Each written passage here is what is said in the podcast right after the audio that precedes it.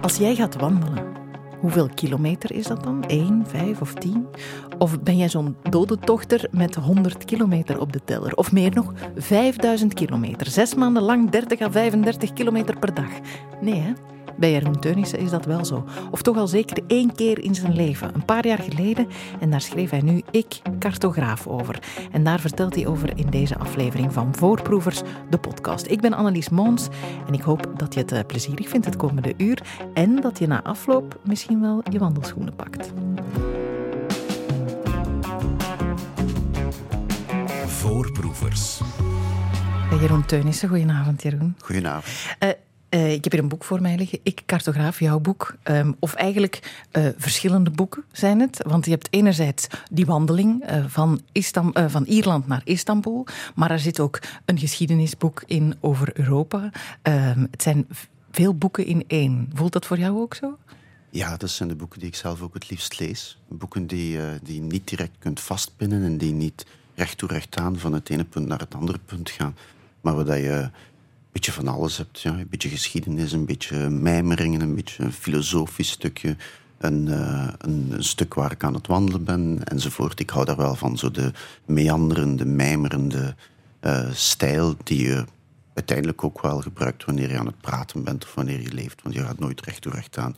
En zoals, vind ik wel mooi in een boek. Zo, zeker zoals die wandeling zelf, want die is ook niet echt recht van, van punt A naar punt B. Nee, die was niet recht. Nee, nee, nee. Um, het begint allemaal bij een kaart uh, die jij in je bezit had. Wat voor kaart was dat?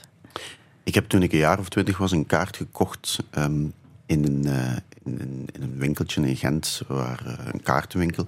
En dat was een kaart van Europa, maar boven de kaart van Europa had je dan um, had je blauwe lijnen en ook stippenlijnen soms. En die hadden allemaal een naam van E1 tot E11 of E12. Uh, en dat waren geen autosnelwegen, maar dat waren lange afstandswandelwegen. Die dus de bedoeling hadden om heel Europa al wandelend te verbinden. Dat ook echt een, een soort van idealistische gedachte. Um, want het was, uh, die kaarten werden gemaakt door een, door een organisatie die in de jaren 60 opgericht is.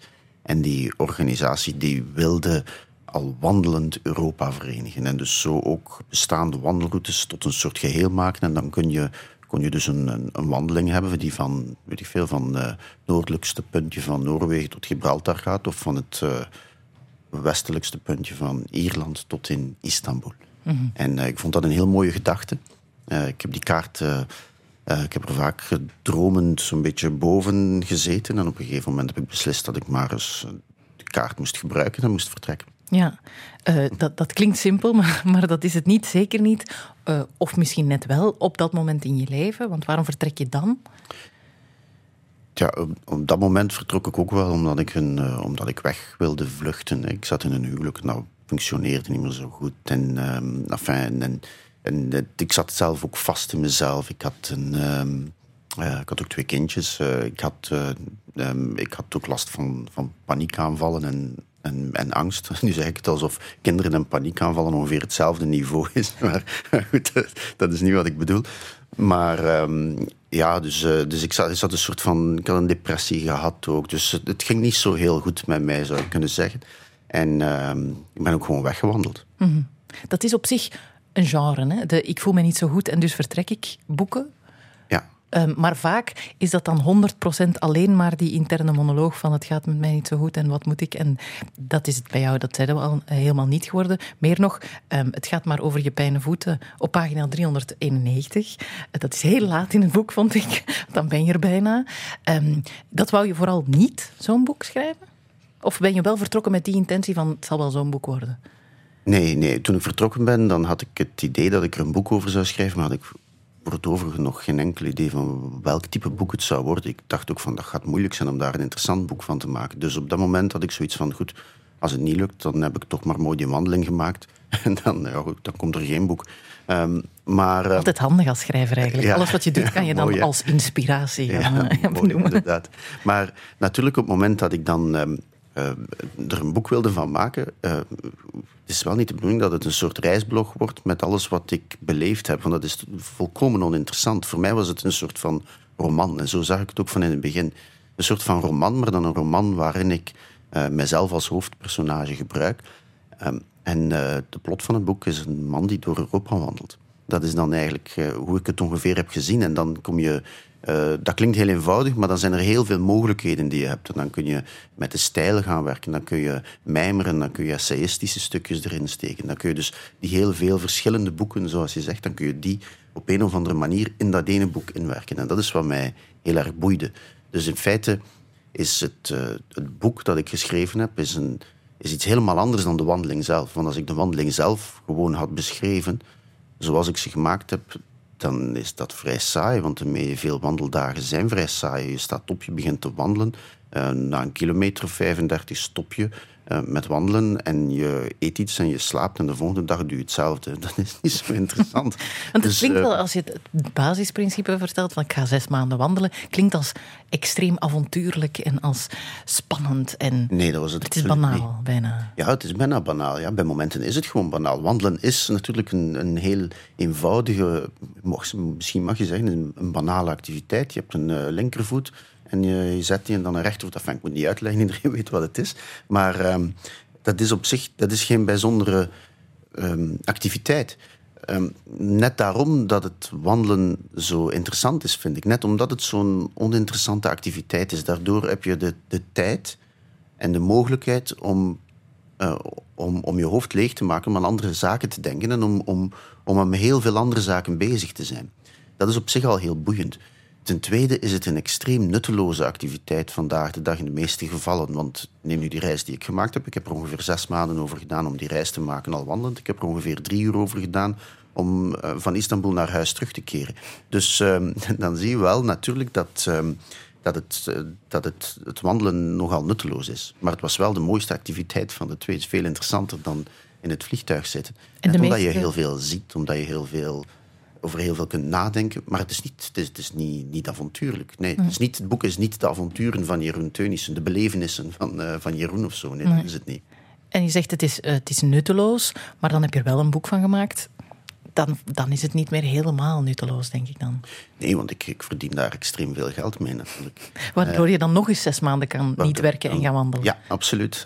absoluut. Ik snap het. Nee, zo, zo gaat het niet. Maar natuurlijk, er, er zit een schoonheid in het, vind ik zelf, in, het, uh, in, in datgene wat niet direct nuttig is. Um, net zoals, uh, ik vermeld dat ergens in mijn boek, het, het kijken naar wolken. En er is zo'n zo'n organisatie waar ik zelf lid van ben. En dat, die heet de Cloud Appreciation Society. En dat zijn mensen die zich verzetten tegen, tegen, tegen het efficiëntiedenken door naar wolken te kijken. Ik vind dat een heel mooie gedachte. Want het is net op die pauzemomenten, wanneer je die neemt, dat je tijd hebt om met uh, werkelijk belangrijke zaken bezig te zijn. Want we zijn allemaal heel efficiënt voortdurend aan het werken en, en met van alles bezig. Maar of dat, nu, of dat nu echt het ware leven is, klinkt nu heel therapeutisch als ik het zeg, maar of dat nu echt het ware leven is, daar ben ik, nog, daar ben ik niet, niet van overtuigd. Is dat ook een soort van rebellie? Ja, toch wel. Ik denk het wel.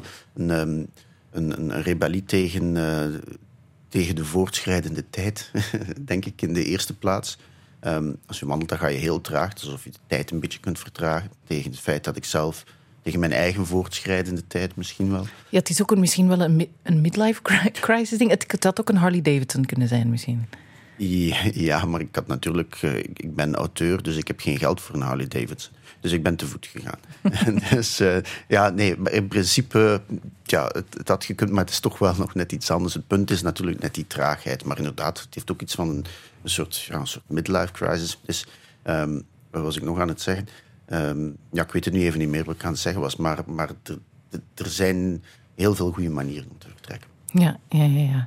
Het, het wandelen, de traagheid, het, uh, het mentale ook. Want je zei, ja, het ging mentaal niet zo goed met mij. Het heeft ook uh, het therapeutische op zich. Ik zei daarnet, we hebben de voorbije jaren allemaal gewandeld. Dat was deels omdat we, dat er niet veel anders kon op een bepaald moment. Maar veel mensen zijn het wel blijven doen. Um, wandel jij ook meer dan, toen, dan voor deze reis? Um, ik heb een tijdje wei heel weinig gewandeld daarna, omdat ik gewoon geen amper tijd had. Um, maar uh, nu, ja, ja, toch wel. Ik probeer wel voldoende te wandelen, maar ik heb altijd veel gewandeld. Dus het is niet dat ik nu meer wandel dan, dan ervoor. Of anders? Um, anders, ja, ik kijk beter uh, rond, denk ik. ik, uh, ik als ik wandel, dan, dan neem ik meer de tijd om, om, om wat ik zie in mij op te, op, in, in, in mij op te nemen. Dus ik denk wel dat ik op een andere manier wandel dan voordien. Ja, ja, absoluut. Dat, dat doe je denk ik ook wanneer je niet wandelt. Want er zit nog een boek in het boek. En dat is wanneer je weer thuis bent en een, een thuis maakt. Het terugkomen, maar dan de lange vorm ervan. En hoe wordt, ga ik hier blijven? Ehm, ook daar kijk je anders naar de dingen eens je terug bent? Ja, een beetje wel. Je mag dat natuurlijk niet overdrijven. Het is niet, uh, het is niet dat er een, uh, een voor en een na is. Zo extreem is het niet. Bovendien, op het moment dat je terug bent, dan, dan verval je al snel in de, in de oude gewoontes natuurlijk. Maar um, toch wel, ik probeer eigenlijk... Er is in mijn boek ergens een, een vermelding die ik maak naar een, een tekst van Xavier de Maitre. En uh, die tekst heet Voyage, au, bout de, voyage autour de ma chambre. Dus reis rond mijn, rond mijn kamer. Een tekst uit de 18e eeuw, waarin hij eigenlijk op reis gaat, maar dan in zijn eigen kamer. Je kunt het, het reizen en het wandelen en, en al die zaken, de manier van kijken die ik daarop gepikt heb, die kun je eigenlijk even goed thuis ook proberen behouden. Op het moment dat je, ja, op het moment dat je thuis bent, op het moment dat ik naar hier gekomen ben, waar ik nu ben, um, enzovoort. Dus dat is een, een, een, poging die ik wel doe. Ik ga niet zeggen dat ik daar iedere dag even goed in slaag, want ja, er zijn ook dagen dat ik gewoon uh, uh, stijf sta van de stress en dat, er, en dat ik gewoon van het een naar het ander rol natuurlijk. Mm, ja, ja. Ik herken het wel als je van op reis terugkomt en je komt in je eigen stad, bij mij is dat Leuven, dan denk ik ook, wauw, dat stadhuis hier eigenlijk, het is wel de moeite, ja, ook al heb ik er al zes maanden niet naar gekeken. Ja, inderdaad, je kijkt anders. Het is ook een van de redenen waarom ik door Europa gewandeld ben. Ik heb vroeger langere reizen gemaakt. Maar dan was het in Argentinië of in, of in Japan. Een beetje exotischere bestemmingen. En ik dacht, oké, als ik dan toch zo'n lange wandelreis maak, dan moet ik het eerst dicht bij huis doen. Dus, um, dus het thuiskomen en, en, en thuis naar een andere, op een andere manier naar, naar je thuis kijken. Dat heb ik eigenlijk ook een beetje geprobeerd al tijdens die wandeling. Ergens heb ik ook geprobeerd om van Europa zelf een soort van thuis te maken door er op een andere manier naar te kijken door niet zo ver weg te gaan, maar enfin, niet dat ik Istanbul is ook wel een eindje, maar, mm -hmm. maar door eigenlijk niet te ver te gaan en te proberen om, om die plek, dat continent waar ik nu toch woon en waar ik geboren ben, om dat uh, mij toe te eigenen. En dan op het moment dat ik teruggekomen ben, dan heb ik nog eens geprobeerd om hetzelfde te doen met het, uh, het huis dat ik uh, gekocht had, ja. of dat ik bezat in, en nog altijd bezit in, in Gent. Je komt uh, veel mensen tegen. Je komt ook veel mensen tegen die er niet meer zijn, in de vorm van standbeelden. Zo kom je al snel uh, in Liverpool een standbeeld tegen van Billy Fury. Um, die had even bekend kunnen zijn als de Beatles. Want in Liverpool dan denk je, ja, dan ga je de Beatles tegenkomen. Ja. Maar jij komt deze man tegen. Wie was hij? Ja, ik heb natuurlijk een, een, grote liefde voor de underdogs. Of voor degenen die, die je niet direct verwacht. En in Liverpool, dan was ik aan het wandelen op de, aan het water, in de, op de dokken. En dan kon je dan uh, snoep kopen in de vorm van de Beatles en dergelijke meer. Maar veel meer dan dat interesseerde mij iemand als die Billy Fury. Ik vond dan een standbeeld van die man en ik dacht, ja, wie is die? En dat bleek een jonge uh, rockgod uh, te zijn die op ongeveer 40-jarige leeftijd, begin jaren 80 gestorven is. En vlak voor de Beatles heel groot was in Liverpool en in heel Groot-Brittannië eigenlijk. Dus, uh, uh, maar die vandaag um, een beetje vergeten is. En um, dat zijn de verhalen die mij het meeste boeiden onderweg. En uh, die ik achteraf natuurlijk, want het is niet dat ik dat allemaal ter plekke dan, dan wist, maar dan achteraf heb ik dat ook vaak opgezocht. Dat zijn de verhalen die mij het meest boeiden. De verhalen die je niet direct verwacht. Zo de, de, de onderliggende, kleinere geschiedenissen, de, de minder voor de hand liggende figuren, zoals daar die Billy Fury er een is. Een beetje een tragisch figuur die tegelijkertijd heel veel vertelt over dat, uh, dat Liverpool van na de Tweede Wereldoorlog. Mm -hmm. Het is geen toeval dat Liverpool een van de plekken was waar de muziekscene opleefde. Het was een havenstad. Je kon niet zomaar op het internet alle zaken opzoeken. Dus de platen de, die uit de Verenigde Staten kwamen, kwamen daar eerst binnen. Met vandaag bij mij een boek en de schrijver ervan, uh, Jeroen Teunissen en ik. Cartograaf Bill Fury, daar ging het dan net over, Jeroen. Um, je zei dan, ja, ik, ik, kwam die dan tegen, dat standbeeld. En dan achteraf ging ik dat opzoeken. Want het was niet dat jij uh, even googelen en een Spotify-lijstje opzetten. Dat was er niet bij, hè? Nee, ik had geen smartphone mee. Dus, uh, dus nee, ik had... en ik ben ook niet een encyclopedie van mezelf natuurlijk. Dus, dus nee, natuurlijk niet. Ik heb eerst de wandeling gemaakt ik heb ook uh, vrij bewust een klein beetje een nostalgisch trekje soms. Dus, uh, um, dus een smartphone. Ik dacht, oh ja, dat is allemaal niet nodig. Dus ik wilde met kaarten werken, met echte kaarten. En ehm, ik heb de hele reis met echte kaarten gedaan. Ehm, en natuurlijk betekent dat tijdens het wandelen sowieso, tijdens de reis, kun je natuurlijk niet alles weten. Of alle referenties die het landschap je biedt en die je overal ziet, die kun je niet zomaar uit je hoofd gaan opsommen. Dus achteraf is er natuurlijk nog een tweede boek geschreven, zou je kunnen zeggen, of een tweede wandeling gemaakt.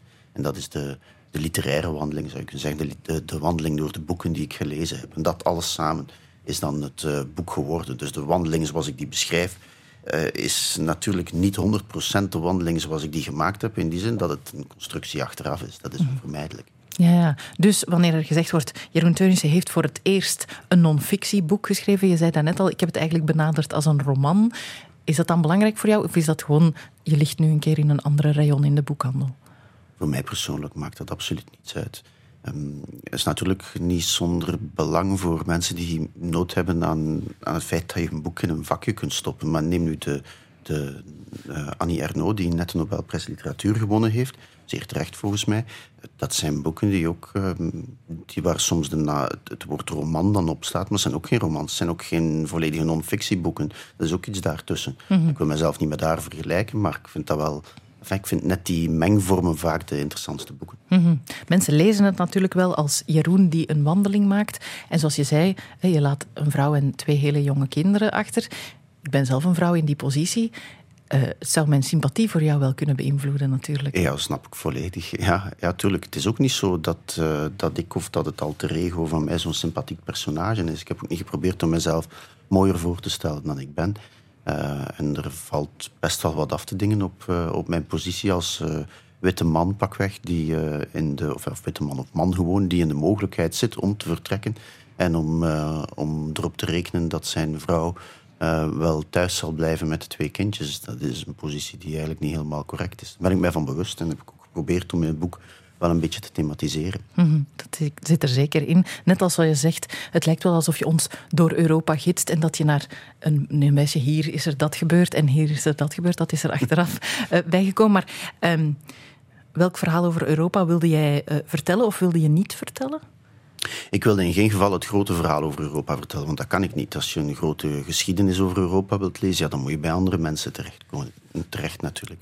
Wat ik wel wilde vertellen was een soort persoonlijk verhaal over Europa. Omdat je, ja goed, ik ben iemand die woont in Europa en ik wil dat continent op de een of andere manier mij toe-eigenen. En ik wilde onderzoeken wat voor mij als mens Europa kan zijn, wat dat kan betekenen. En ik wilde dat door een, door een soort van geschiedenis van onderuit, zou je kunnen zeggen, um, te creëren. Dus door, door zo'n geschiedenis te creëren, wil ik daar naar op zoek gaan.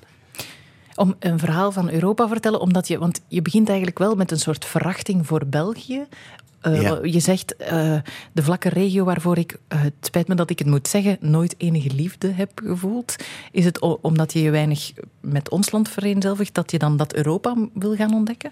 Dat zit er zeker in, ja. Um, ik heb nooit, dat is natuurlijk iets wat wel meer um, Belgen hebben specifiek, ik heb nooit een grote liefde gehad voor, voor mijn land. Um, uh, ik heb nooit een groot nationalistisch gevoel gehad of zoiets. Ook de streek waar ik opgegroeid ben. Ik ben in een soort typische Vlaamse verkavelingswijk opgegroeid. Ik vind dat een, een lelijke, zieloze, zieloze buurt. Uh, tegelijkertijd heb ik alles gehad natuurlijk. Ik kan ook mijn ouders niets kwalijk nemen of zo. Dus ik wil daar niet negatief over zijn. Maar, maar dat boeit mij niet. Dat, dat, dat heeft mij nooit geraakt. En ik ben iemand die duidelijk um, vol zit van romantische gevoelens en romantische strevingen. Dus ik wil heel graag iets meer. Ik wil een soort uh, gehechtheid, een soort aan de grond of iets in die tand. Ik wil, ik wil meer. Dus, uh, en ik heb dan ook, aangezien ik mij hier niet kan, als ik, ik hier niet kan aarden, heb ik het drang om te vertrekken. Mm -hmm. En om, uh, om weg te gaan en om nieuwe streken te herkennen. En te proberen me daar thuis te voelen. Wat dan ook weer mislukt. En dan kom ik weer terug. En dan voel ik weer een drang om te vertrekken. En zo kun je wel een heel lang doorgaan. Ja, heel lang. Bram Vermeulen heeft er een liedje over. Hè. Dan laat je overal een stukje achter en dan ben je, ben je nergens nog thuis. Dus het is niet dat die zes maanden jouw reisdrang, die gigantisch is, want ergens zeg je, zelfs terwijl je op reis was, had je het idee van, ah, ik moet op reis vertrekken. Ja, ja. Dat zegt al iets. Het is niet dat die nu weg is? Nee, die is niet weg. Nee, nee. nee um, ik weet niet, goed, het, zal nu niet direct, uh, het is niet dat ik direct opnieuw zal vertrekken al wandelend of zoiets. Maar uh, nee, die drang is niet volledig weg. Hm. Nee. En het Europa dat je uh, hebt gevonden en hebt beleefd en het verhaal dat je van Europa hebt geschreven, heeft dat jou wel geboden wat je zocht voor een stuk? Het is niet dat ik iets concreets aan het zoeken was. Of ik, ik wilde gewoon de, vooral de verscheidenheid van Europa zien. Want dat is wel een van de zaken die mij het meest boeit aan, specifiek aan Europa. Is dat idee van het is een continent dat zo verscheiden is. Er zijn zoveel verschillende um, groepen van mensen. Er zijn zoveel verschillende landschappen. En alles staat op zo'n Um, en, en, alles staat zo dicht bij elkaar. Er is zo, het is zo dens. En, en, en dat is wat mij uh, heel erg uh, boeide of altijd al heel erg geboeid heeft aan Europa. Want Europa is, als je het op wereldschaal bekijkt, is, een, is, is, is niets. Hè. Dat, is, is piepklein. Het is eigenlijk niet meer dan een soort aanhangseltje van, van Azië, zoiets. Dus, um, dus het is een piepkleine plek, maar er is zoveel. En het is vooral ook een plek waaronder iedere, iedere steen zit wel een verhaal. En die verhalen, dat is wat voor mij Europa maakt. En wat geschiedenis ook maakt. En wat, wat een, goede, een, goed verhaal, een goed roman ook maakt. Dat is die, en dat is wat al die zaken gemeenschappelijk hebben, denk ik. Mm. De, de, de kracht van die verhalen, de oude verhalen die ik vind, de verhalen die ik eventueel zelf onderweg tegenkom uh, of zelf beleef, um, al die zaken, daarin, in die verhalende kracht, in dat creatieve, daarin zit de, zit de schoonheid van, uh, van, van een wandeling. En daar is, dat is ook hetgeen wat ik in Europa wilde, wilde zoeken. De mm -hmm. verhalen die je overal vindt. Ja. Daarin in die verhalen eigenlijk uh, een soort continent bouwen. Ja, en niet per se de verhalen of zeker niet de verhalen die we al kennen. Want voor mij werd het boek qua geschiedenis interessanter hoe verder je van ons wegging. Want we, eigenlijk als veel mensen aan, of ik zal het zelfs bij mezelf houden, als ik denk aan een Europeaan, dan zie ik toch vooral nog een Duitser, een Fransman, heel misschien een ja. Italiaan of een Zweed. Maar verder dan dat, ik, ik denk niet aan Bulgaren en aan Roemenen. Ja. En net daar uh, ja, wordt het heel interessant. Ja, absoluut. En dat is een, een, soort blinde vlek die wij hier hebben in West-Europa. We denken nog altijd in West-Europa dat wij het, centrum van Europa zijn. Je kunt, uh, ja, we zitten hier in, nu, hier in, de studio hier is in Brussel. En uh, Brussel is de hoofdstad van Europa. Maar als je kijkt geografisch, dan ligt Brussel helemaal niet in het centrum van Europa. Wat ligt er in het centrum van Europa? Misschien moeten we dan naar, um, naar een, plek, een plek ergens in Polen misschien. Misschien is het wel Um, als je, het hangt er vanaf hoe je de grenzen precies trekt. Misschien zal het wel VIF zijn of zoiets in Oekraïne. Dus, dus, dus dat zijn de plekken die eigenlijk veel meer het centrum van Europa uitmaken dan de, de plek waar wij wonen. En in feite weten wij als West-Europeaan weten wij heel weinig over Oost-Europa. Of wat wij Oost-Europa noemen. En in vele gevallen is dat Midden-Europa. Wij weten daar heel weinig over. En um, terwijl dat natuurlijk evengoed Europese geschiedenis is, terwijl dat evengoed ons continent vormt. Mm -hmm. En terwijl daar vooral grenzen getrokken zijn op plekken waar ze heel onlogisch, uh, of misschien is dat voor een grens altijd zo, maar de, dat, dat viel mij op, dat de, de geschiedenis van Europa is er eentje van grenzen die getrokken worden en de mensen moeten dan maar uh, aan de andere kant van de grens gaan wonen of moeten weg. Of, dat, dat kom je heel veel tegen. Hè? Ja, specifiek natuurlijk in, het, in de 20e eeuwse geschiedenis. Want ja, na de Eerste Wereldoorlog en opnieuw na de Tweede Wereldoorlog heeft men uh, als oplossing heel vaak de idee aangebracht van we moeten uh, in een land hebben en in één land woont één volk. En uh, zo moeten we een grens kunnen maken. Maar zo werkt het in de praktijk natuurlijk niet. En om dat te kunnen doen, heeft men heel veel grenzen getrokken. Heeft men ook heel veel volken, volkeren verplaatst. En uh, Polen is daar het perfecte voorbeeld van. Dat land is na de Tweede Wereldoorlog eigenlijk gewoon van rechts naar links op de kaart een beetje opgeschoven. Dus, uh, maar natuurlijk levert dat altijd weer heel veel um, de verhalen, maar ook heel veel ellende op. En als je eens dat je aan het wandelen bent en dan kom je overal geschiedenis tegen die je nooit verwacht had, dan vind je ineens uh, de Routenen, een, een, volk waar ik zelf nog nooit van gehoord heb. heb die, die, die wonen op de grens van, van Polen, Slowakije, Roemenië en, uh, en Oekraïne. Um, dus en die ergens in de mazen van, het, van, het, uh, van de geschiedenis verdwenen zijn. Mm -hmm. En zo kom je heel veel tegen. Heel veel um, volkeren, heel veel volksverhuizingen. Europa is eigenlijk ook maar het... Uh, de, de, de, geschied, de, geschiedenis van Europa is de geschiedenis van de volksbewegingen en van de migraties die er geweest zijn in Europa en ook van buiten Europa naar Europa toe en van Europa naar, van buiten, naar, naar buiten Europa weer weg. Voorproevers.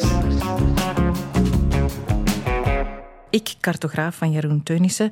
Het is te zeggen, er staat ik en dan het is gelijk aan uh, tekentje cartograaf. Uh, ik bedacht mij, Jeroen, het is gelijk aan tekentje. Of dat doet mij ook denken aan zo de geel-wit uh, of andere kleuren. Ah ja, ja. De, ja. de, de bordjes van de GR zoveel.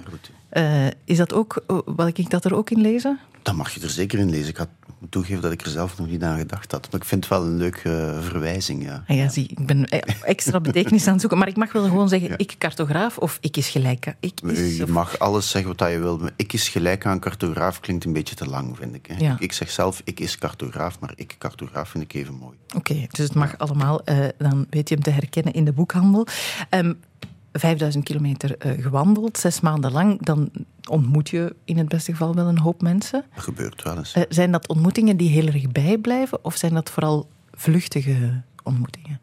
Er zijn meer vluchtige ontmoetingen, dat spreekt voor zich. Want ja, je bent aan het wandelen en de volgende dag of een paar uur later ben je weer weg natuurlijk.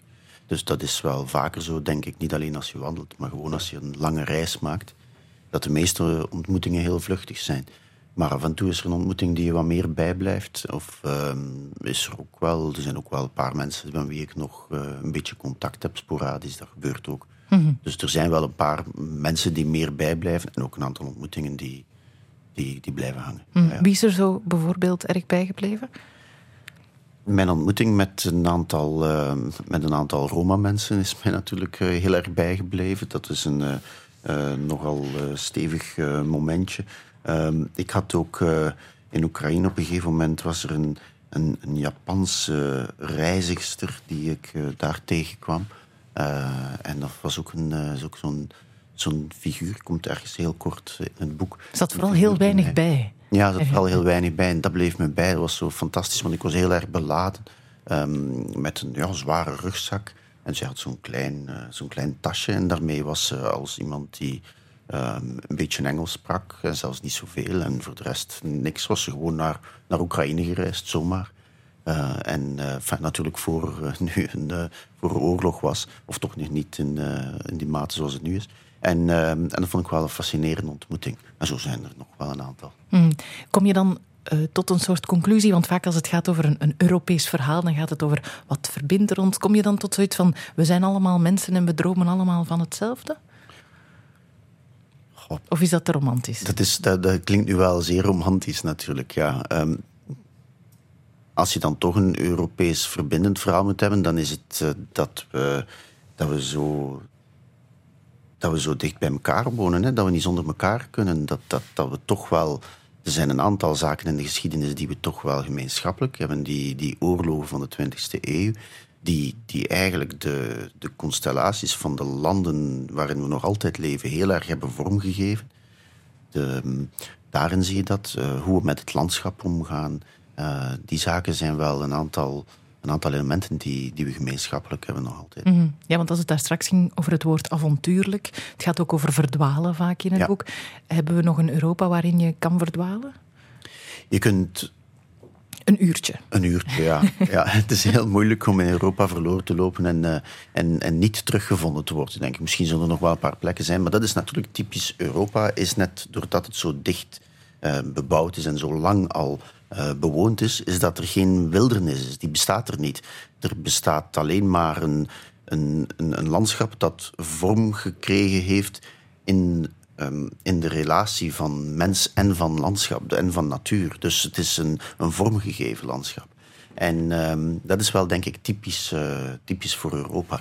En ja, dan is het een beetje moeilijker om te verdwalen, want, uh, want alle paden leiden uiteindelijk wel ergens naartoe. En meestal is het niet zo heel uh, ver. Ik heb het toch geprobeerd om te verdwalen. Het is me een paar keer gelukt. Ik had geen GPS bij, dus ja, want ik had geen smartphone.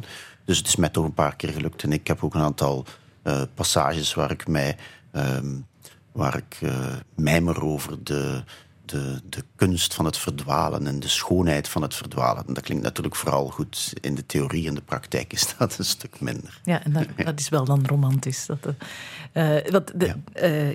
cartograaf, want als er veel wegen zijn, dat is dan het werk van de cartograaf ook. Hoe ben jij die cartograaf?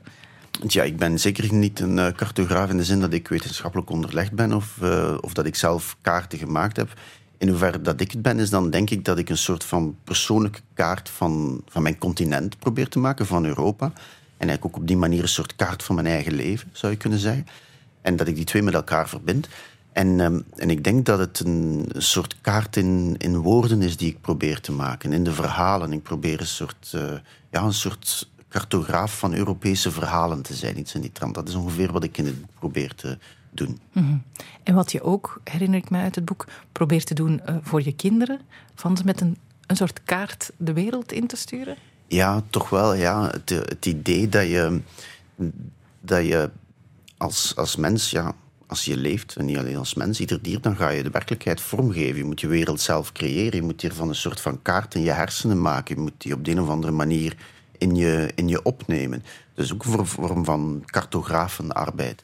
En als kind ben je daar heel erg mee bezig. En het is natuurlijk ook mijn, uh, mijn hoop dat mijn kinderen ook een weg zullen kunnen vinden op die manier in, de, in, de, in die heel snel veranderende en op een toch wel vaak verontrustende manier uh, veranderende wereld waarin dat we leven. En um, uh, mijn hoop is dan dat ze cartografen worden, maar dat ze eerder cartografen worden, niet van het technische type, die mooi uitgewerkte um, kaarten maken, maar van het... Uh, van die, dat ze eerder cartografen maken zoals die een paar honderd jaar geleden gemaakt werden. Met veel meer mooie tekeningen, maar iets minder precies. En dat ze dan af en toe eens verdwalen. Dat vind ik uh, wel een mooie gedachte te vinden in uh, Ik Is of Ik Cartograaf van Jeroen Teunissen. Jeroen, dankjewel om hier te zijn vanavond. Heel graag gedaan. En voor het boek.